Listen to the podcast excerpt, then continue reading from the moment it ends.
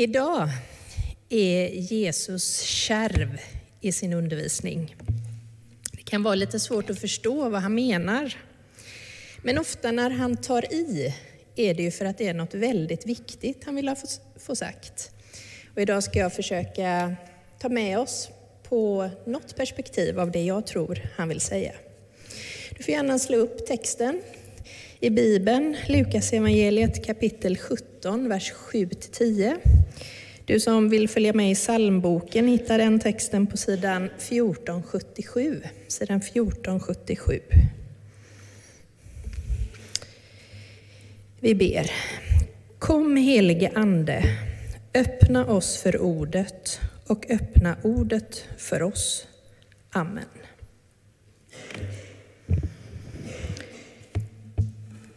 Om ni har en tjänare som plöjer eller vallar får, säger ni då till honom när han kommer hem från ägorna, gå genast och slå dig ner vid bordet. Nej, ni säger, gör i ordning maten åt mig, fäst upp dina kläder och passa upp mig medan jag äter och dricker. Sedan kan du själv äta och dricka. Inte får tjänaren något tack för att han gör vad han är ålagd. På samma sätt med er. När ni har gjort allt som åligger er ska ni säga, vi är odugliga tjänare. Vi har bara gjort vad vi är skyldiga att göra. Vad betyder det här? Det finns många spännande spår att spinna vidare på och jag kommer välja ett idag. Vad är det som händer i texten till att börja med? Ja, självklart är det ju så att en tjänare förväntas passa upp sin herre. Personen är ju anställd och kan inte kräva någon extra belöning, till exempel på grund av att tjänaren känner sig trött efter arbetet på åken. Långa obekväma arbetstider ingår så att säga i avtalet. Först behöver han passa upp sin tjänare så att han och hon får mat och dryck. Sen kan hon få äta. Tjänaren ska göra det hon är ålagd och det är inte mer med det.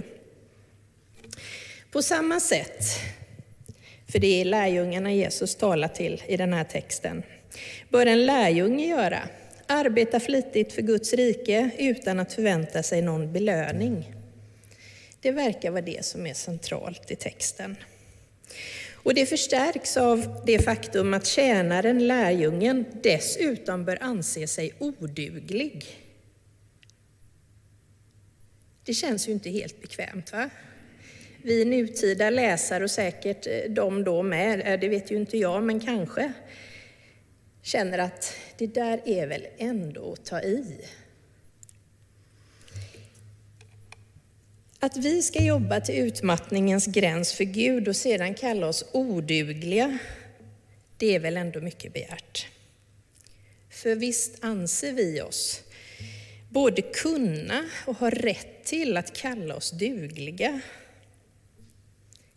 Är det Gud som anser att vi är odugliga? Vad kan Jesus mena? Det grekiska ordet för oduglig är akerios. Och det betyder i sitt ursprung något man egentligen inte har behov av eller nytta av. Alltså något man inte har behov av eller nytta av. Också i engelska, franska och tyska biblar så översätts ordet akerios med ord som dålig, oduglig, värdelös, onyttig. Men jag läste i en annan eh, vad heter det?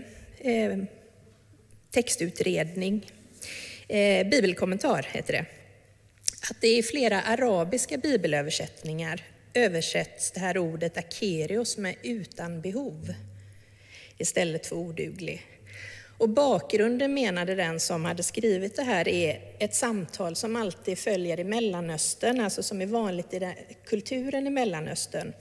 När en person gjort något för en annan person så är den naturliga frågan tillbaka är, behöver du nu något? Och så svarar den tillbaka, nej, jag behöver inget. Alltså, är jag skyldig dig något? Nej, du är inte skyldig mig något. Ingen payback. Jag har bara hjälpt dig för hjälpandets skull. Jag behöver inte liksom få något tillbaka.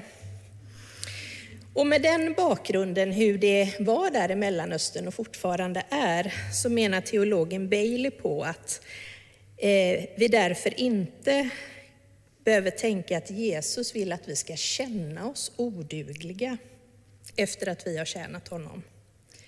Det, det låter ju ganska logiskt, va? Vi behöver inte känna oss odugliga när vi har tjänat. Men poängen är att vi inte heller ska tro att nu är Jesus skyldig oss något för att vi har tjänat. Istället kan vi också säga, nej men vi behöver inget. Jag har bara tjänat för att det, det är det jag vill göra och det jag är skapad till att göra, inte för att få någonting tillbaka. Jag har bara gjort det jag är skyldig att göra. Jag tittade lite i bibelöversättningen The Message. Eh, och då står det så här, slutet av våran text. Får tjänaren ett tack för att han bara gör sitt jobb? Nej, det är samma sak med er. När ni har gjort allt ni har blivit tillsagda ska ni helt enkelt konstatera faktum. Vi är inte bättre än så. Vi har bara gjort det vi måste. Vi är inte bättre än så. Kanske att man kan tänka att vi har gjort vår uppgift så gott vi kan och det räcker. Om vi tittar på sammanhanget i Lukas evangeliet där kapitel 16 och 17, där den här berättelsen finns att läsa, så kan man hitta några betydelsefulla ledtrådar för att förhålla sig till texten. Innan texten så finns ett antal varningar till människor som har drabbats av övermod eller högmod. Människor som tror sig vara för lite för mer än andra. Till exempel har vi berättelsen som slutar om att den som upphöjer sig ska bli förödmjukad. En annan berättelse är en uppmaning att bjuda den på middag som man inte kan förvänta sig få en belöning ifrån att bjuda den på middag som man inte förväntar sig ska bjuda tillbaka. Och så har vi berättelsen om den rika mannen vars dörr tiggaren Lazarus låg utanför. Och mannen i berättelsen förväntar sig en belöning i himlen och tycks ha betraktat det som en rättighet eftersom han tillhörde gudsfolket. Och direkt efter den här texten som är predikotexten så berättar Jesus om de tio spetälska männen som blev botade. Och det var bara en som vände tillbaka och tackade. Den personen var en samarier som tycks ha insett att han blev botad av nåd och inte som en rättighet. Kanske då till skillnad från de nio andra judiska männen som lät bli att tacka. Som mer såg att de fick hjälp och det var en rättighet. Med den här bakgrunden så tror jag att vi kanske har kommit en av berättelsens poänger och mening på spåret. I dagens text så betonas istället den tjänstvillighet och det ansvarstagande som Gud kallar oss till, eller kräver av oss. Medan vi inte kan kräva någon belöning eller förtjänst som en rättighet av Gud. Både tjänst och eventuell Belöning får vi alltid av nåd, som en gåva. Nåd kan vi aldrig kräva, den ges oss hela tiden som en gåva att ta emot. Nåd och tjänst är temat för den här gudstjänsten. Jag tänker att just det där ordet och är kanske det viktigaste. Det visar på att nåd och tjänst alltid hör ihop, inte går att skilja åt. Och jag tänker också när jag sitter och, och grunnar på det, att det är nog en, en tanke med att de där som bestämde vad temana i kyrkåret ska vara, valde att lägga ordet nåd först och sen tjänst. Det är nog en tanke med det, att det måste börja i nåden, för det är där som tjänsten föds. Det vi tar emot som gåva, det är det vi kan ge som gåva.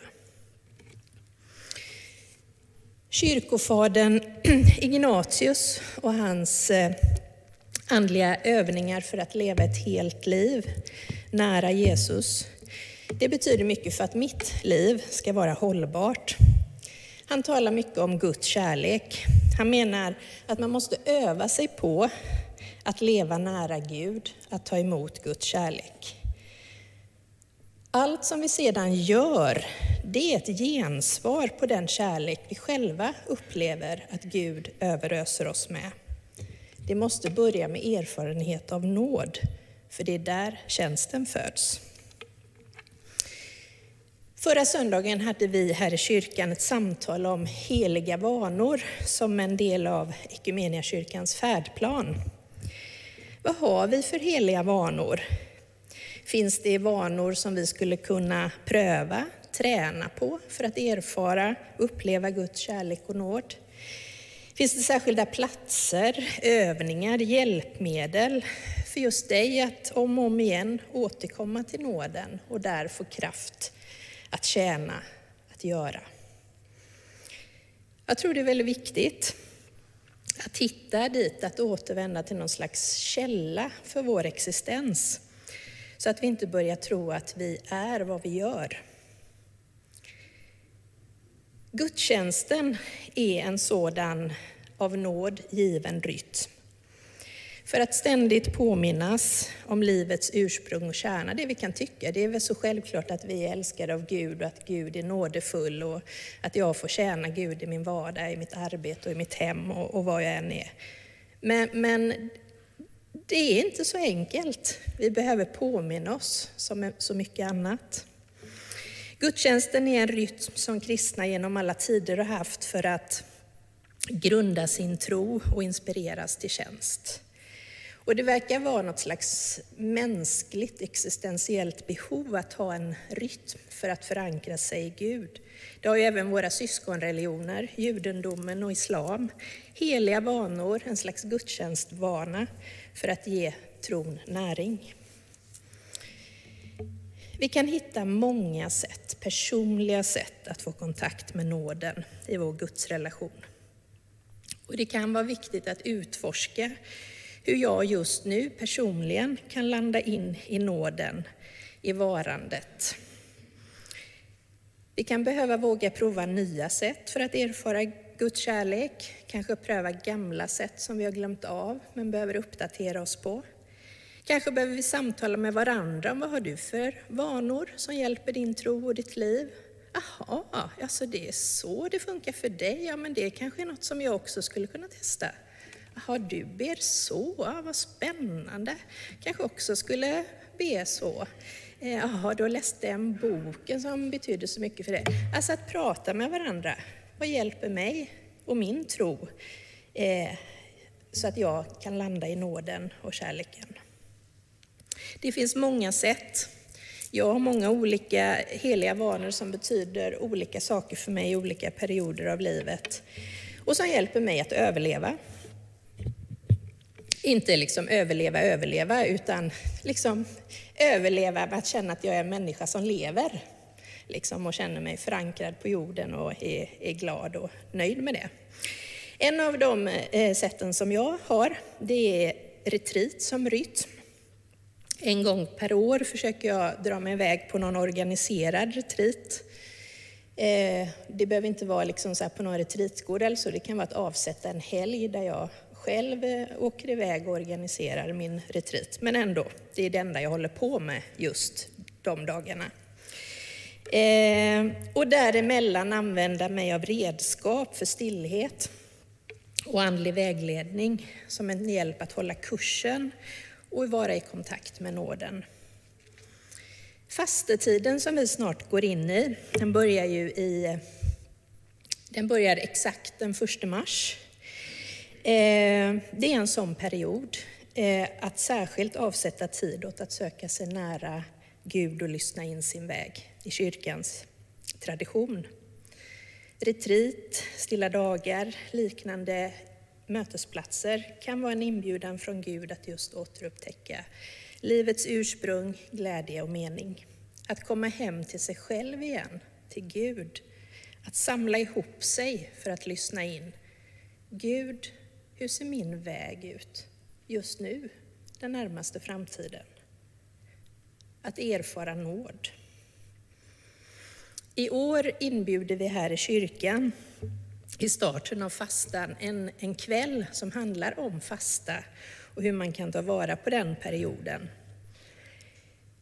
Och I början av april så erbjuder vi en retreatdag här i kyrkan som ett, red, ett av väldigt många redskap att söka nåd. Vi behöver öva på att hitta olika sätt och platser där vi verkligen kan ta emot Guds nåd och kärlek. Att bara vara utan att göra eller prestera något. I nåden föds tjänsten som sagt. I en krönika så, som eh, Magnus Sundell har skrivit så läste jag det här. Att komma i tjänst är ett gammalt uttryck som idag kanske endast lever kvar i kyrkans värld. Det kan betyda att ta på sig ett uppdrag, men också att hitta sin plats, sin uppgift, att få bli den du är ämnad till. Det du passar bäst för helt enkelt. Med populärpsykologins och livscoachningens språk skulle det kanske heta att bli den bästa versionen av dig själv.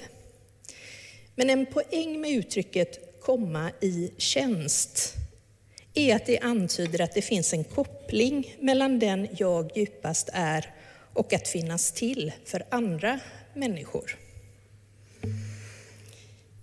Och det är just så jag tänker, att det finns en koppling mellan nåd och tjänst, mellan de vi djupast är, det vill säga erfara nåd och Guds kärlek, och att finnas till för andra människor, att tjäna. Om det är så, så är varje människas tjänande unikt. Ingen tjänst som någon gör är för liten. Allt vi gör med ett uppriktigt hjärta inifrån glädjer Gud. Och att komma till, i tjänst kan se så olika ut. Så därför jämför dig inte med någon annan. Låt ingen se ner på den tjänst du har, det du känner från hjärtat. Det här är den jag vill vara och det jag vill göra. Men se inte heller ner på någon annan där du tycker att ja, det var väl lite futtigt. Lite mer kunde hon väl kavla upp ärmarna och göra. Alltså att inte jämföra sig och varken se ner på sig själv eller någon annan. Så sist i den här predikan vill jag delge en judisk legend som jag har hittat i den här boken Väven av Martin Lönnebo. En berättelse som jag under predikoförberedelserna kom ihåg att jag hade läst någon gång och tycker passar väldigt bra. Tycker den passar till det jag uppfattar att Jesus vill kommunicera idag. Att ge som gåva det vi fått som gåva. Mose mötte en herde ute i öknen. Han stannade hos denne en tid och hjälpte till att mjölka tackorna. Mose la märke till att heden varje kväll satte ut ett fat med den finaste mjölken. Vem ska ha mjölken? frågade Moses. Den ska Gud ha, svarade heden. Då kände sig Mose tvungen att undervisa heden om att Gud inte alls tycker om mjölk, hur fin den än är. Gud är ande och behöver ingen mjölk. Du kan själv undersöka saken, fortsatte Mose. Göm dig bakom en buske i natt så får du se. Och den stackars heden fick på natten se hur en liten ökenräv smög sig fram och lapade i sig den goda mjölken. På morgonen sa en sorgsen herde till Moses. Du har rätt. Gud är ande och tycker inte om mjölk. Det betyder att jag har förlorat det enda sätt på vilket jag kan glädja Gud. På natten uppenbarade sig Gud för Moses i drömmen. Han sa, Moses, du har fel. Jag tycker om mjölk, för det är hedens gåva till mig. Men eftersom jag är ande delar jag mjölken med den lilla ökenräven som är så begiven på mjölk. Och efter legenden skriver Lönnebo Gud ser i nåd till vår svaga vilja och enfaldiga fantasi. Vad kan du ge till den som har allt? Annat än hjärtats uppriktiga vilja att älska och tjäna. Ja, vad kan vi ge till Gud, den som har allt? Annat än hjärtats uppriktiga vilja att älska och tjäna. Amen.